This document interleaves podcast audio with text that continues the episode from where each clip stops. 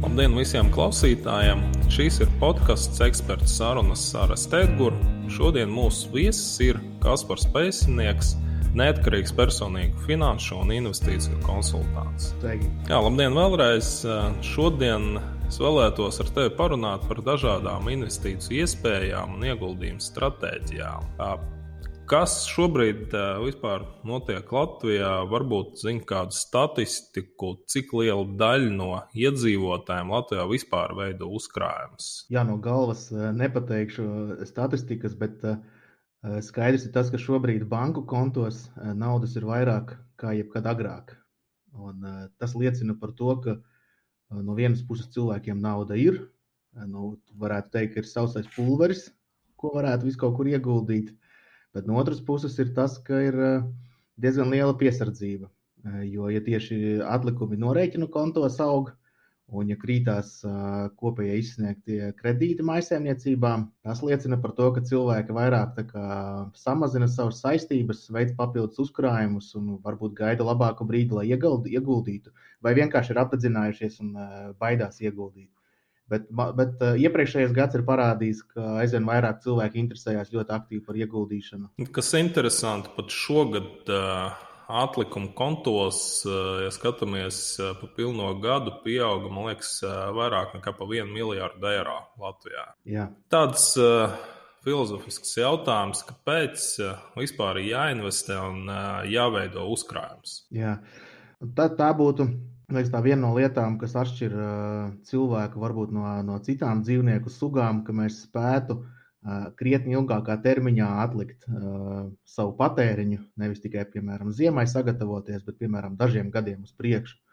Un uzkrāšana vispār ir, ja nu, līdzekļu atlikšana nākotnē vai, vai uzkrāšana ir, ir tieši ar domu atlikt patēriņu no šodienas nākotnē, vai parūpēties par to, lai nākotnē būtu uh, līdzekļi, par kuriem dzīvot, iztērēt un uh, tam līdzīgi. Ja um, tā būtu tā pamatdoma, pēc tam jau tālāk seko viss, ko mēs ar šiem līdzekļiem darām. Nu, mēs jau esam aizgājuši tālāk evolūcijā, ka līdzekļus mēs saprotam uh, ne tikai uzkrāt vienkārši lai viņiem nekas nenāk klāt, bet būtu interesanti, ja mēs šos līdzekļus varētu ieguldīt ar procentiem. Un tādā veidā ar laiku procenti pelna uz procentiem, un šis mūsu uzkrājums varētu izaugt krietni lielāks. Ar kādu summu var sākt investēt? Man liekas, ka ar, nu, principā var sākt ar jebkādu.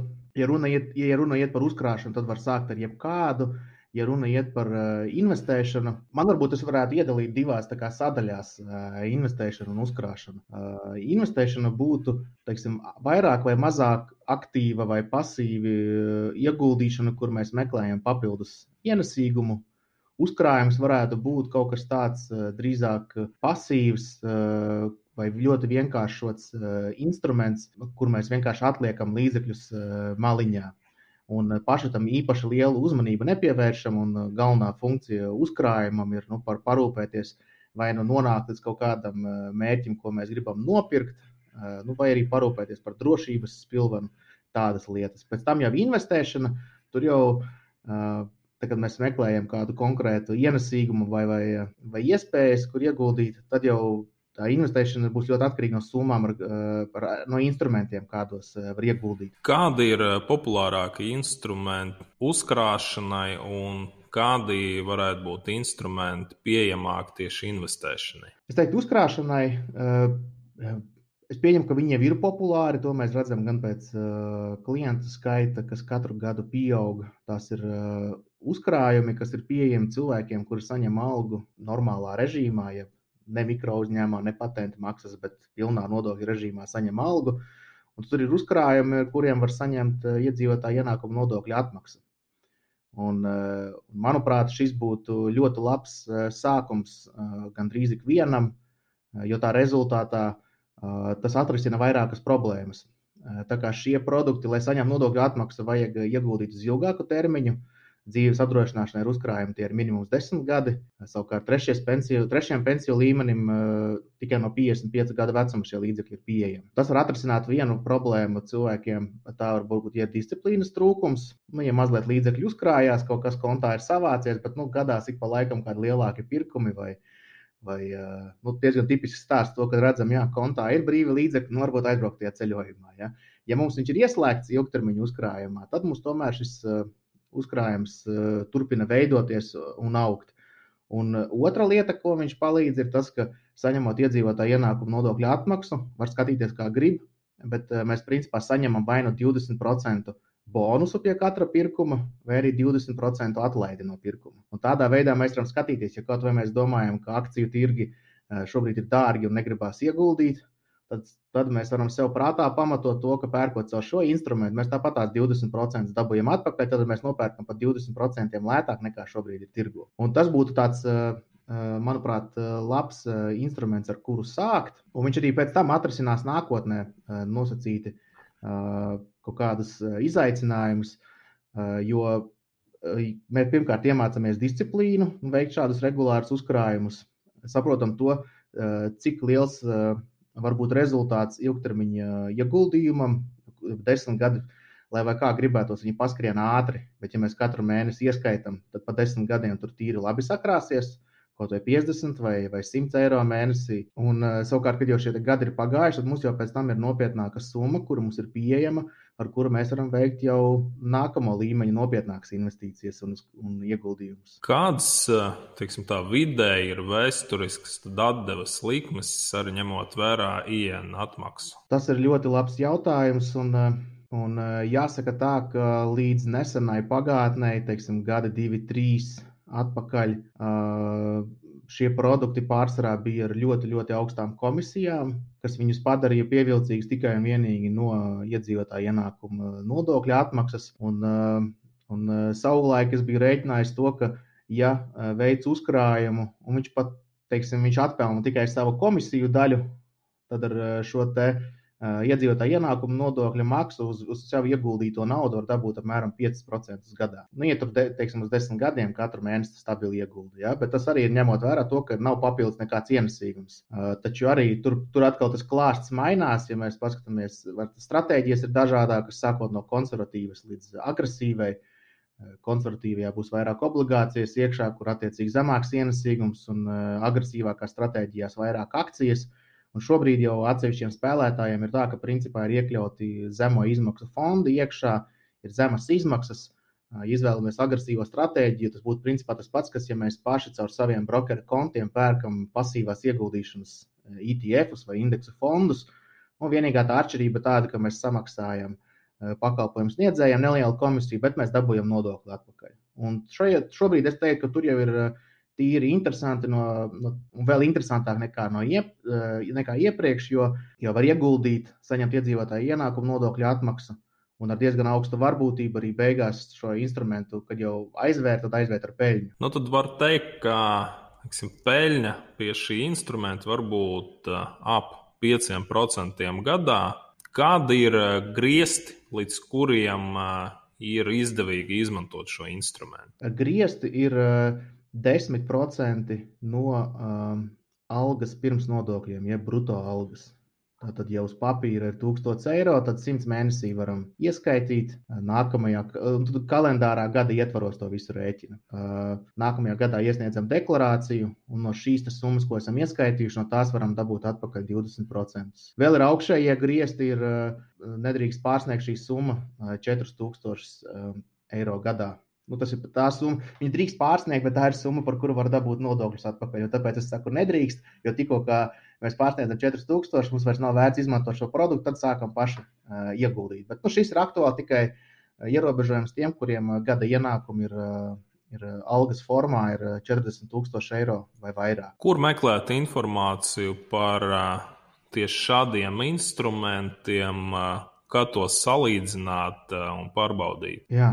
Salīdzināt, var eh, nosacīt, mums ir izdarījusi Eiropas Savienība nu, tādu pakalpojumu, jeb, jeb labumu ir nodrošinājusi, ir tas, ka visiem šiem pakalpojumu sniedzējiem ir jāsagatavo tādi pamatinformācijas dokumenti, kuros ir jāatspoguļo pamatinformācija, kas attiecās uz, uz, uz konkrēto piedāvājumu. Tās ir komisijas un kāda ir komisiju ietekme uz, uz ienesīgumu.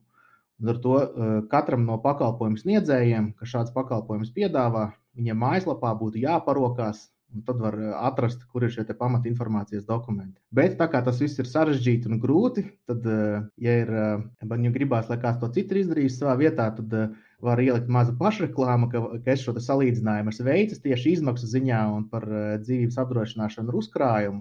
Un to var atrast uh, manā blogā, kur tā arī ir dzīvības apdrošināšana ar uzkrājumu salīdzinājumu. Bet, principā, jebkurš cits cilvēks var atrast uh, par šiem dokumentiem, iziet cauri, paskatīties, kuram ir zemākas komisijas.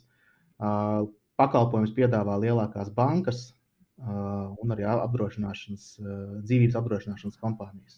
Kā mūsu klausītāji var atrast tavu blogu? Jā, var ierakstīt uh, vienkārši Google, kas par spēcinieks, un tur jau pirmais ieraksts vajadzētu būt uh, bloga adrese pēcinieks.com. Labi. Uh, izņemot bankas, noteikti tirgu ir daudz dažādu sabiedrību, kas piedāvā līdzīgus pakalpojumus. Tad, laikam, jautājums vai tam kompānijām jābūt licencētām, un tad, laikam, arī jāskatās FKTK mājaslapā visu kompāniju sarakstu. Jā, jā, kompānijas noteikti ir licencētas.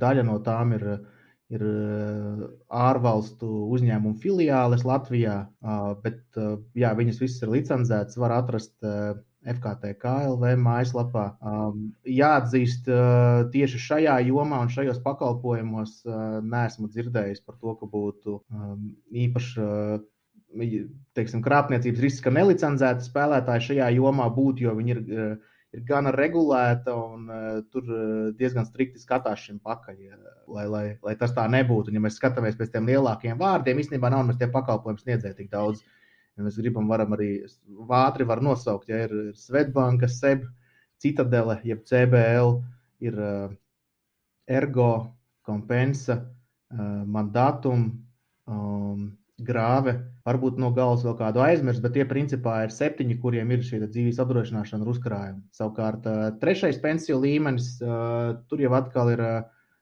atkal var skatīties tajā pašā FKTK LV mājaslapā, Un, uh, tur šis pakalpojumu sniedzēja klāsts ir uh, mazliet mazāks.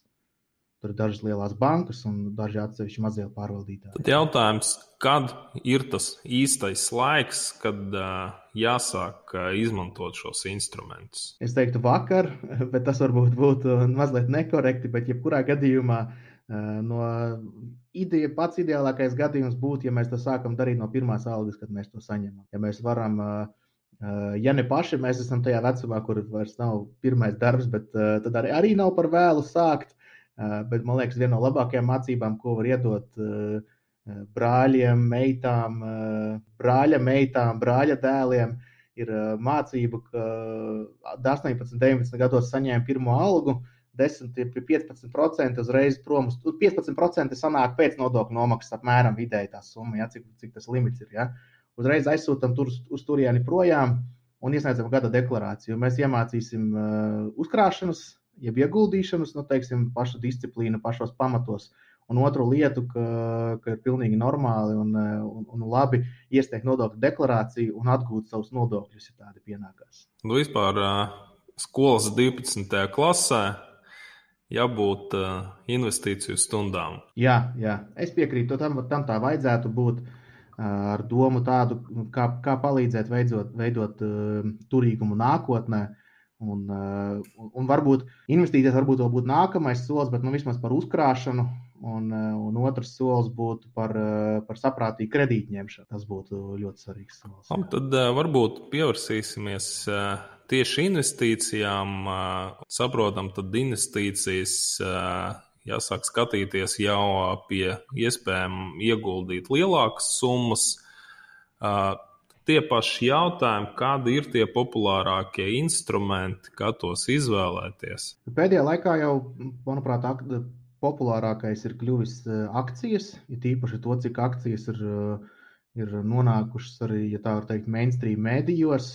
Un, 2020. gadā visi, jebkādos eh, rakursos dzirdēja par Teslu un par, par NIO un par, par vēl dažādām akcijām. Un tas, kas ir mazliet pamainījies, ja agrāk bija, pirms dažiem gadiem vēl vajadzēja tiešām tām summām bija jābūt, ja ne nu, teiksim, daži tūkstoši, desmit tūkstoši plus, lai būtu ekonomiski izdevīgi sākt ieguldīt akcijās, jo, jo komisijas, brokeru komisijas Latvijas bankās vēl joprojām ir ļoti augstas, bet arī ārzemēs tās bija, ir vēl joprojām salīdzinoši augstas. Taču šobrīd ir parādījušies tirgus spēlētāji, kuri piedāvā nu, nosacīt bezmaksas ieguldīšanu un piedāvā ieguldīšanu daļā no akcijām. Piemēram, nav jāpērk Amazon akcija par 3500 dolāriem. Viena akcija, bet var nopirkt vienu desmito no akcijas. Jā. Nu, šeit ir runa konkrēti ir par, kas, ko, ko ļoti plaši šobrīd izmanto, tas ir revolūcija. Un tā kā līdz ar to ir mazliet samainījusies tā, tā pasaule, tāda kā agrāk tiešām tas bija tāda Eh, nosacīti turīgo, ja ne izklaide, tad, eh, tad papildus veids, kur ieguldīt līdzekļus un, eh, un interesēties un darboties. Tad šobrīd jau tas ir kļuvusi par tādu ikdienas ļoti plašu iespēju, kur izmanto gandrīz katrs, kuram ir telefons un, un interese. Nu, ja agrāk komisija bija, ja es nemaldos, ap 30 eiro par vienu darījumu, minimāla summa, tad uh, Šobrīd tie darījumi var notiekt vai nu vispār bez komisijas līdz kaut kādam limitam, vai ar komisiju ap vienu eiro par darījumu, kas jau atļauj ieguldīt jā, jā, daudz, jā. daudz mazākas summas. Izņemot akciju tirgus, kādas vēl ir iespējas? Jā, nu tur jā, es varbūt iesāku ar akciju tirgu, tas, ka tā ir bijusi man vistuvākā tēma. Un, Ja, ja kādreiz nu, ierauga mani kaut kur vai kur runā, tad es iesāku runāt par uzkrājumiem, tad vienmēr pieminu šos nodokļu atgūšanas, jo, manuprāt, bonus ir jāizmanto, ja tādu var dabūt.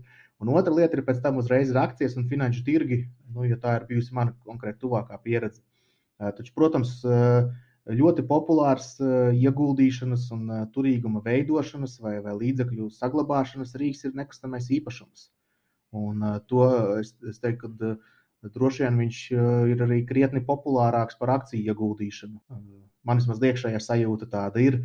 Un ko mēs redzam pēc komentāriem, ko cilvēki atbild to, ko viņi darītu dažādās aptaujās, ko viņi darītu, ja viņiem būtu brīvi līdzekļi. Tad viena no pirmajām um, pirmajām atbildēm ir eh, nopirkt dzīvokli un izīrēt. Un, uh, teorētiski es tam visam piekrītu, un viss ir uh, ļoti labi.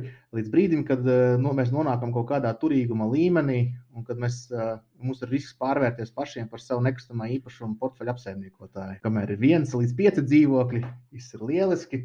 Kad mēs nonākam tālāk, tad jau uh, nu, vai no jāmeklē kādi papildus spēki, kas šo visu palīdz organizēt, vai, vai, vai, vai instrumenti, vai nu, tad jau tās iespējas arī krietni plašākas, jo līdzekļi ir krietni vairāk, ja ir tik liels eh, ieguldāmo līdzekļu. Bet ar nekustāmo īpašumu, ar dzīvokļiem ir tā pati problēma, kas agrāk bija ar akciju tirgus, ka tas uh, sākuma summa, ar kuru jāinvestē, ir ļoti liela, jo šobrīd skatoties tirgu laikam. Uh, 30, 40, 50 tūkstoši. Tā ir tāda minimāla summa, kam jābūt, lai sāktu pirkt uh, dzīvokļus investīcijām. Ja, ja neizmanto papildus bankas līdzekļus. Jā, jā, tieši gribēju piebilst to, ka, ja vēl pašam nav paņemts kredīts, tad varbūt pirmo dzīvokli var kredītā paņemt uz investīcijām. Nu, nelīdz galam godīgi atbildot to, ka nu, izmantos sev, bet īstenībā izīrēs, ja, kas nav gluži atbilstoši. Es tā neieteiktu darīt nevienam, bet daudzi tā dara. Un, eh, tad, tad, protams, arī šo ienesīgumu var dabūt augstāk, ja savs ieguldītais kapitāls uh, ir salīdzinoši neliels un, uh, un īres maksa ir atbilstoša tirgus. Tad mēs arī varam uz savu kapitālu dabūt lielāku ienesīgumu. Bet, uh, ko es vēl gribēju pieminēt par nekustamā īpašumu, ir tas, ka, uh, manuprāt, arī mēs redzam to, ka ienesīgums ir diezgan zems. Nu, vien, vienmēr var, ir, ir cik aktīvi meklēt, cik aktīvi pēc tam grib iesaistīties. Un, es to tā iedalītu tā kā atkal divās daļās. Viena daļa ir tāda, ka mēs nopērkam, piemēram, gatavu, vienalga, jebkādu dzīvokli, kaut vai sēriju veidu, jauno projektu, vienalga mēs nopērkam un izīrējam pa tirgus likmi. Un tad mēs esam maksimāli maz ieguldījuši savu laiku. Tad visticamāk, arī cienas mums būs diezgan zems. Tur 3, 4, 5, varbūt kādam vairāk procentu. Varbūt ja? 6. Jā. Neskaitot amortizāciju. Jā, nu vēl nodoklis, protams, jāsamaksā. Ir. Un, uh, savukārt, tikko mēs sākam uh, pirkt īpašumus, kur ir jāiegulda darbs, un kur mēs varam atslēgt, nosacīt, sakot, pievienoto vērtību, nu, nopērkot kaut ko sliktā stāvoklī, uzlabojot vai, vai kaut kādu lielāku portfeli nelikvīdu. Tur uzreiz tās ir interesantas situācijas, bet tur uzreiz ir jāiegulda darbs. Tur man reiz gribētos minēt klāt to papildus faktoru, to, ka uh, tur būtu būt jārēķina nevien tikai ienesīgums kā tāds uz savu ieguldīto kapitālu, arī, bet, bet arī patērētais laiks. Bet, nu, to, protams, būtu jārēķina jebkuram ieguldījumam. Ja mēs tad runājam, atgriežoties pie akciju tirgiem, cik daudz laika tam jāvelta, ja mēs gribam aktīvi investēt tieši akciju tirgos? Tas, protams, ir ļoti individuāli, bet arī būtu jāskatās no tā, no, no kāds ir mūsu izējas punkts. Ja mēs iesākam ar dažiem simtiem vai, vai tur, teiksim, dažiem tūkstošiem, revolūtā vai, vai ētoro vai kaut kādā tam līdzīgā citā brokerī, kur mēs varam ar salīdzinoši zemām izmaksām pirkt akciju daļas, tad varbūt tas laiks nav tik daudz, bet tomēr es ieteiktu skatīties no cita punkta, kas spētu atbildēt uz dažiem jautājumiem par akciju. Jā, ar tādu domu, ar ko kompānija nodarbojās, kāpēc pirkt tagad un, un kādi ir viņiem ir nākotnes plāni. Jo, jo uz visiem šiem jautājumiem atbildes var būt dažādākas, un vai, piemēram, kompānija var būt ļoti lieliska un, un, un vienreizēja, bet varbūt pirkt tagad nav īstais laiks. Bet, ja vienīgais arguments ir, ir tas, ka viņi ir lieliski, var arī nesanākt nopelnīt. Un, līdz ar to, cik, cik daudz laika patērēsim tam, lai šīs akcijas izpētītu un, un veiktu darījumus. Kas par tāds jautājums? Vai tu esi izvērtējis investīcijas puļa finansējuma platformās, un kāds ir tavs viedoklis par platformām, un vai ir vērts tajos investēt? Jā, es esmu sekojis līdzi principā kopš tādas kļuva populāras, nu, ja vispār kopš viņas sāka parādīties. Sākotnēji mans lielākais teiksim, pretarguments bija par to, ka uh, nav īsta regulācija šai, šai, šai visai jomai. Un, un otrs, tas pat varbūt vēl tāds fundamentālāks, bieži vien bija par to, ka kas ir galā tas, kuram tiek aizdots, aizdoti šie līdzekļi. Nu, ja ir runa tieši par savstarpējās aizdošanas platformām. Un, tā kā pirmajā brīdī populārākās bija tieši tur, kur bija patēriņa kredīti un nu, nosacīti dārgi kredīti, tad es bieži vien uzdevu pret, pretjautājumu, vai, vai mēs savam draugam, kuru mēs pazīstam, kuram nav pārāk varbūt, laba kredīta vēsture, un kurš ir gatavs aizņemties uz daudziem desmitiem procentu, jo sākotnēji tādas likmes bija, tad jautājums ir, vai mēs viņam paši privāti aizdot. Ja mēs viņam neaizdotu privāti, tad kāpēc mēs esam gatavi aizdot svešiem tādiem pašiem cilvēkiem? Bet šīm platformām es sekoju līdzi, un, eh, un tāds gala, gala man tāds uh, secinājums ir tāds, ka uh, tas ir potenciāli labs instruments kopējā savu ieguldījumu portfeļa diversificēšanai. Ar to saprotot to, ka personai, kurai ir kaut kāds aktīvu kopums, daļa ir kaut kādā, pieņemsim, uh, pamatjomā, ja biznesā, kur sākotnēji nauda ir nopelnīta, jeb, jeb tur, kur nāk ienākumi. Tipiski cilvēki jau ir saguldījuši vai nu kaut kādos nekustamajos īpašumos, vai, vai finanšu tirgos. Tad, tad šis tad, savstarpējās aizdevuma platformas, jeb, jeb būļu finansēšanas platformas, varbūt kā, kā daļa no kopējā visa apjoma tieši tieši diversifikācijas nolūkos un ar potenciāli gūt augstāku ienesību. Jautājums, cik tavuprāt būtiski ir tieši diversifikācija un kā tu ieteiktu diversificēt savas investīcijas un uzkrājumus? Tur uzreiz ir jā, atkal mazliet jāatgriežas pie, pie filozofijas, jau ar, ar domu tādu, ka nu, neviens nav kļuvis bagāts ieguldot plaši diversificējot. Parasti bagāts kļūst ieguldot vienā vai nu uzņēmumā, vienu liekot, nu, Stevam Jobsam ir Apple, ja, un Zuckerbergam ir Facebook, un ja, viņi neiegulda plaši tur visas pasaules akciju indeksa fondos, un no tā nauda neveido arī hedge fondu pārvaldītāji. Tiem, kuriem ir visaugstākā ienesīguma, tomēr parasti viņiem vislielākais ienākums ir no tā, ka viņi pārvalda citu līdzekļus. Un ar ko es ar to gribēju teikt, ir tas, ka diver, diversifikācija ir vajadzīga vairāk ar nolūku sadalīt riskus mazliet audzēt savu kapitālu, bet ar galveno domu to nezaudēt. Un, uh, līdz ar to es teiktu, ka diversifikācija uh, no tāda aspekta ir svarīga. Uh, vēl tā var būt svarīga dažādos ekonomikas ciklos, ja dažādas aktīva klases sniedz dažādus ienesīgumus, tad, tad tas noteikti var būt instruments, kā mazināt svārstīgumu savam, savam portfelim, ja no tā ir atkarīgs dzīves līmenis šodien. Cik tu teiktu, piemēram, jāiegulda akciju tirgos, cik uzkrājušu apdrošināšanā, cik nekustamos īpašumos ir kaut kāds, teiksim, standarta risinājums? Es teiktu, ka nav, jo vissvarīgākais būtu, lai cilvēks pats ir komfortā ar sevis pieņemtajiem lēmumiem. Nu, ja mēs vienkārši paņemam dažus, piemēram, profilus, ja dažus konkrē, konkrētus cilvēku piemērus, piemēram, 50-gadīgs vīrietis šeit Latvijā, kurš diezgan labi saprot savu nekustamo īpašumu tirgu vai nu savā pagastā vai, vai pilsētā, viņam daudz mierīgāk būs pat ar, ar nelielu ienesīgumu ieguldīt dzīvokļus, izīrēt, jo tā ir lieta, ko viņš zina. Tas ir fiziski taustāms, pat ja tam ir mazāks ienesīgums nekā citām alternatīvām. Savukārt, no otras puses, ja viņam būs daudz ieguldījumi, piemēram, akciju tirgos, kur ilgtermiņā ir augstāks ienesīgums, taču arī svārstīgums ir lielāks, tad šī var būt joma, kas rada ļoti daudz uztraukumu un stresu un negulētas naktis. Un tad es teiktu, ka nu, šie papildus daži procenti, lai gan ilgtermiņā veido papildus turīgumu, tomēr viņi nav tā vērti.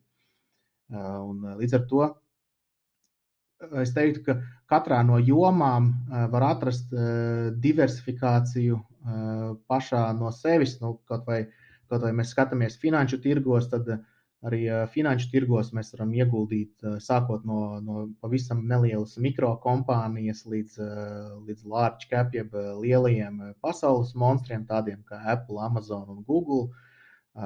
Tajā pašā laikā mēs varam nopirkt sektoru ETF-us, jeb ieguldījumu fondus un tādā veidā jau sadalīt tur iekšā riskus. Pēc tam mēs varam iet tālāk un nopirkt konkrētas valsts, jeb reģiona uh, ieguldījumu stratēģiju caur šiem ETF-iem vai, vai ieguldījumu fondiem. Tad mēs vēl vairāk šos riskus sadalām, un tad mēs varam nopirkt uh, visu pasauli, uh, visu pasaules akciju indeksu fondu. Un tad jau mēs esam maksimāli diversificējušies, un tā pamatdoma ir tāda, ka mēs ieguldam visā pasaulē, pasaule kopumā aug, un līdz ar to arī vajadzētu teorētiski arī akciju tirgiem kopumā augt. Tas ir tikai viens segments akcijas. Pēc tam nāk pārējie visi. Principā, ja kādas in, in, eh, investīcijas, kādas vien mēs varam iedomāties, to visu atras, var arī atrasināt caur finanšu tirgiem. Var uh, aizdot valstīm, pērkot valstu parādzīmes, jeb uh, valstu parādzīmu ETF-us. Uh, var, var pirkt ieguldījumu fondus, kur iegulda nekustamajā īpašumā. Uh, un, un, un tā tālāk, tā joprojām, līdz pat tam, ka var pirkt dārgmetālus, kuri ir iekļauti iekšā instrumentos, nu, un pat ar ļoti viskādām sarežģītām stratēģijām. Līdz ar to, kāpēc es šo visu virzīju šajā virzienā, ir tas, ka atkal nonāk līdz, tam, kas konkrētajam cilvēkam ir komfortabli. Līdz ar to es nekad nevarētu iedot vienu konkrētu, jeb kaut kādu, teiksim, zelta formulu, cik būtu jābūt sadalījumam pa kādām jomām, vai, vai, vai finanšu instrumenti, vai, uh, vai nekustamais īpašums. Tikpat labi arī nekustamiem īpašumam var uztaisīt eh, gana plašu diversifikāciju ar pietiekami lielu līdzekļu apmēru. Saka, lūdzu, no tavas pieredzes, eh, kādas ir tas eh, biežāk pieļautas kļūdas un kā no tām izvairīties? Jā, nu, droši vien līdzīgi, līdzīgi kā citās dzīves jomās, un prātā nāk kazino no, no filmām, kur atnāk iesācējs un uzliek pirmo likmi, un viņam viss veicās un aiziet.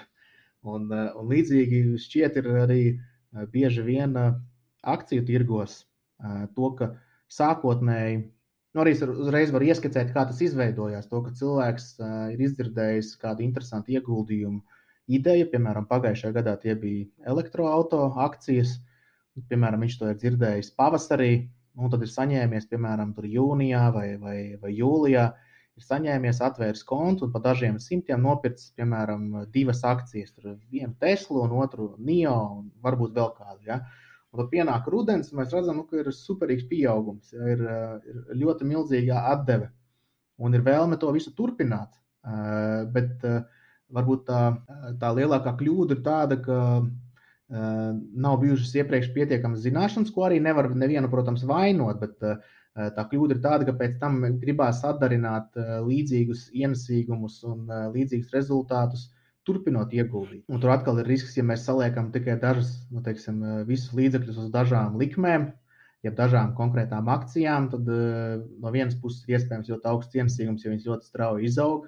Tad no otras puses ir iespējams arī būtiski zaudējumi, ja šīs akcijas krīt. Nu, es no savas puses vēl varētu teikt, tā ka es dzīvē jau vairākas reizes esmu pamanījis, ja tu pērc kaut kādu produktu, piemēram, nezinu, iPhone, vai tu gribi nopirkt elektroautorātu vai nezinu, Toyotas hibrīdu, tad jāpadomā, varbūt arī ir diezgan daudz cilvēku, kas uh, veic tieši tādu pašu izvēli. Un, uh, skatoties atpakaļ, es esmu panelizējis, ka jā, tā ir brīdī, kad es uh, varbūt pirku pirmo iPhone, vajadzēja arī nopirkt uh, Apple akcijas. Jā, jā ļoti, ļoti labs piemērs. Un, un, un ļoti būtiski, ko minēja, ir tas, ka tad, kad domāja par pirmo iPhone, jautājums ir, vai šobrīd, kad jau ir desmitais, ja, vai, vai, vai, vai kurš šobrīd ir iPhone, es pat, es pat nezinu īsti.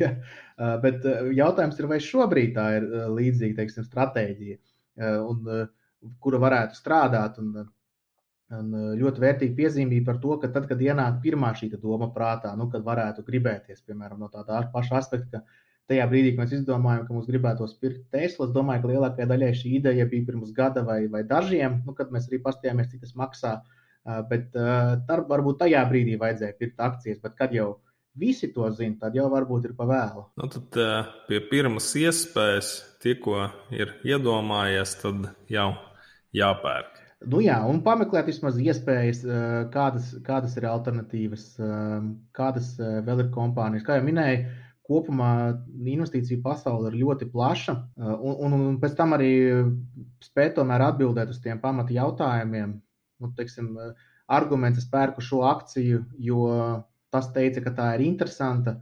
Nu, es teiktu, ka ir diezgan augsta varbūtība, ka labi, varbūt vienreiz vai divreiz izdosies, bet nu, ilgtermiņā tas nestrādā.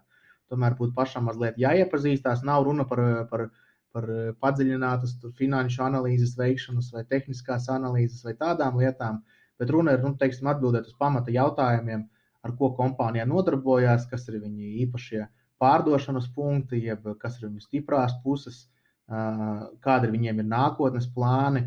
Un, un, un, un ļoti būtisks jautājums ir, kāpēc pirkt tagad, kas ir tas katalizators pirkšanai šobrīd. Jo vienu akciju mēs varam izvēlēties ar gada nobīdi, un tā ieejas cena var būt desmit reizes atšķirīga. Nu, ja mēs atkal par to pašu, lai gan man pašam nepatīk tik bieži pieminēt Teslu, bet tā sanāk, jo, jo vienkārši ļoti spilgts piemērs, kur ja mēs šādi visu domājām un runājām pirms gada, ja mēs būtu nopirkuši, tad mēs šobrīd esam lieliskā pozīcijā ar ļoti lielu potenciālu peļņu.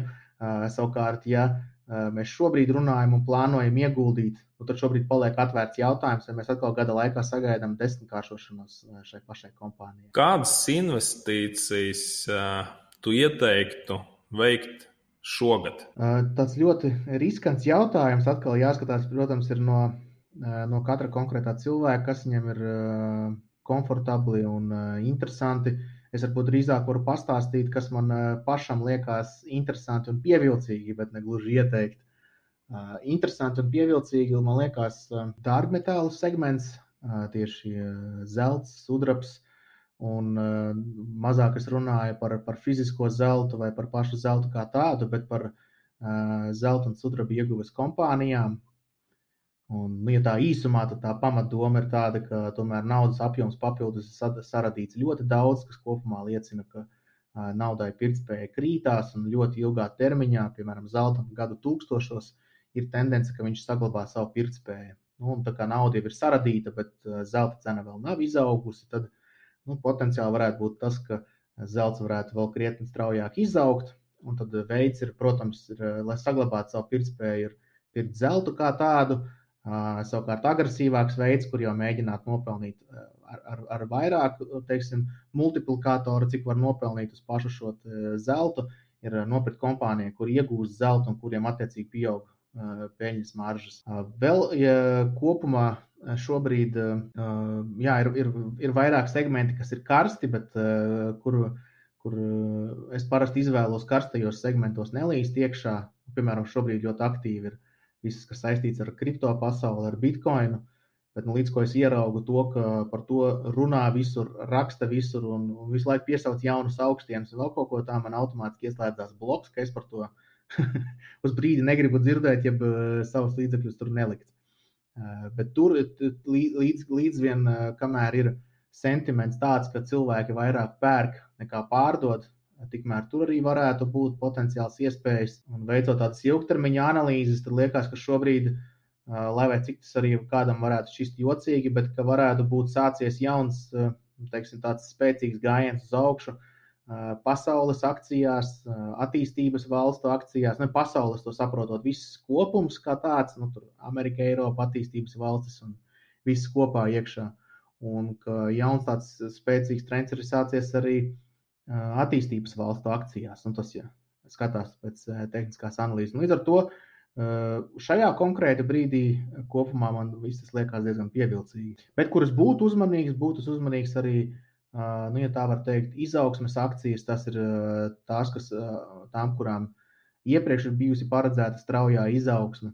Jā, tur būtu uzmanīgs, jo, jo arī ilgtermiņā tomēr tirgos ir cikliskums, un ilgu laiku šis izaugsmes sektors ir strādājis. Tomēr, nav, eh, tomēr daudz švakāks ir bijis sektors, kur ir tā saucamais value, jeb, jeb eh, parasti tas ir kaut kas saistībā ar fiziskiem aktīviem. Tad ir tāda nojausma, ka varētu būt kāds pagrieziena punkts vai nu jau bijis, vai kaut kur netālu priekšā, kur varētu šis viss mainīties. Nu, ar to saprotot to, ka, ja mēs turpinām ieguldīt, kā mēs turpinājām ieguldīt pēdējos, piemēram, desmit gadus, pērkot lielās fanga akcijas, ja tur Facebook, Amazon, Netflix, Google, un eh, tad, eh, tad varbūt nākamajos gados daudz lielākas iespējas varētu būt segmentos, kas līdz šim nav bijuši pārāk populāri. Un vēl es varētu pieminēt tādu plašu jomu, kas man liekas diezgan pievilcīga, ir viss, kas ir, neteiksim, gluži piesārņojošs, eh, bet eh, anti-filozofijai, eh, kas ir ar elektroautorātu visu jomu saistīts, kur, kur šobrīd visi virzās uz zaļajām politikām, uz, uz, uz, uz, uz masveidīgu elektroautorātu pieņemšanu. Un, un tā, bet no otras puses, gandrīz nevienā brīdī netiek runāts par to, ka, lai to visu nodrošinātu, tomēr ir jāiegūst gan metāli, Piemēram, elektroautorāta ir vairāki metāli, kuri tiek izmantoti daudzreiz vairāk nekā iekšzemes dzinēja mašīnās gan, met, gan baterijās, gan arī varš, niķelis. Un, un tās tādas, ja var teikt, neseksīgās jomas, kur, kur dēļ lielā pieprasījuma varētu sekot strauji cenu leciens vidējā termiņā, un kur varētu būt ļoti interesants iespējas. Un līdzīgi arī naftas segments. Lai, lai, lai kā mums gribētos, tomēr mēs visa pasaule nevaram nevienā, ne piecos, ne es pat teiktu, arī desmit gados uh, būtiski samazināt kopējos naftas ieguves apjomus, bet nu, jau nu, noskaņojums kopumā tirgos bija tāds, ka nu, tūlīt jau viss beigs izslēgsim pēdējo pumpu, un tā viss tikai uz elektroautorāta dzīvosim. Bet tā gluži nav. Nu, arī ir vērts pieminēt, ka ne tikai materiālu ieguve, bet drīz arī vajadzēs sākt tas pirmas elektroautorāta utilizēt. Jā, jā viennozīmīgi. Jā. Kops, kopsavilkumā Es varētu pateikt no mūsu sarunas, ka jāinvestē jo agrāk, jo labāk. Jā. Jāskatās un jāmeklē sev konkrēti sev piemērotu stratēģiju, ka nav vienots visiem rokas grāmatas, kā veikt tās investīcijas. Jāmeklē pēc iespējas daudz informācijas. Jā, jā. Un es vēl gribēju pieminēt to, ka viena no labākajām, protams, ir mācībām, ir sava pieredze. To, vai mums bieži vien arī runājot gan ar klientiem, gan ar citiem cilvēkiem par to, nu, vai tur ieguldīt atsevišķās akcijās vai nē, vai, vai kur ieguldīt savus brīvos līdzekļus. Mans viens no ieteikumiem ir paņemt daļiņu līdzekļus, kur ir, nu, teiksim tā, viņi ir pietiekami nozīmīgi, bet, ja arī viņus kaut vai daļu zaudētu, tie dzīves līmeni būtiski neietekmē. Nu, kādam tie būs 500 eiro, citam 1000, citam 5. Un, eh, un vienkārši ar šo summu pamēģinām kaut vai tās pašas akcijas. Un mēs pēc laika sapratīsim, varbūt tas būs gads vai divi, un mēs sapratīsim, vai mēs gribam tam visam sekot līdzi, vai mūs tas viss aizrauj, vai ir ienesīgums. Vai nesnāk tā, ka beigās, ka mēs notērējam gadā 200 stundas šim visam pasākumam, mēs esam nopelnījuši 100 eiro, un mēs saprotam, ka tas ir pilnīgi neliederīgi izmantots mūsu laiks. Un, un no otras puses, ja mēs patiešām ar to aizraujamies un tas mums interesē, tad mēs sapratīsim, ka tas interesē. Bet arī saprast to, ka tas mums nav vajadzīgs, tas ir, tas ir super. Un vienīg, vienīgais veids, kā to saprast, ir tikai pamēģinot. Līdz kamēr tas ir uh, demo konts, jeb papīra tirzniecība, jeb teorētiska spriešana, uh, tikmēr es teiktu, tas viss tā arī paliek. Tāpēc noteikti arī, arī citās jomās ieteiktu, vajag pamēģināt. Un tas attiecās, manuprāt, arī uz visiem citiem ieguldījumiem. Arī par to, vai, vai, vai dzīvokļa pirkšana un izīrēšana būs tavs īstais instruments. To varēs saprast tikai pirmo dzīvokli nopērkot un pamēģinot. Lai tā arī var būt dārga kļūda, bet tā var būt nosacīta lēta kļūda ilgtermiņā. Labi, Kaspar, paldies tev par interesantu sarunu, par uh, vērtīgiem ieteikumiem. Uh, vēlreiz tad uh, varam uh, ieteikt visiem mūsu klausītājiem ieskatīties tavā blogā un sākt aktīvāk investēt un veidot uzkrājumus. Jā, paldies, paldies, ka uzaicinājāt. Bija prieks aprunāties. Un, jebkurā gadījumā, jebkur, jeb, jeb, jebkādas sarunas par investīcijām, jeb ieguldīšanu, tas ir papildus devums gan mums pašiem, gan arī sabiedrībai kopumā. Ceru, ka tas viss vēl tikai turpināsies uz priekšu. Paldies un visu labu! Visu labu!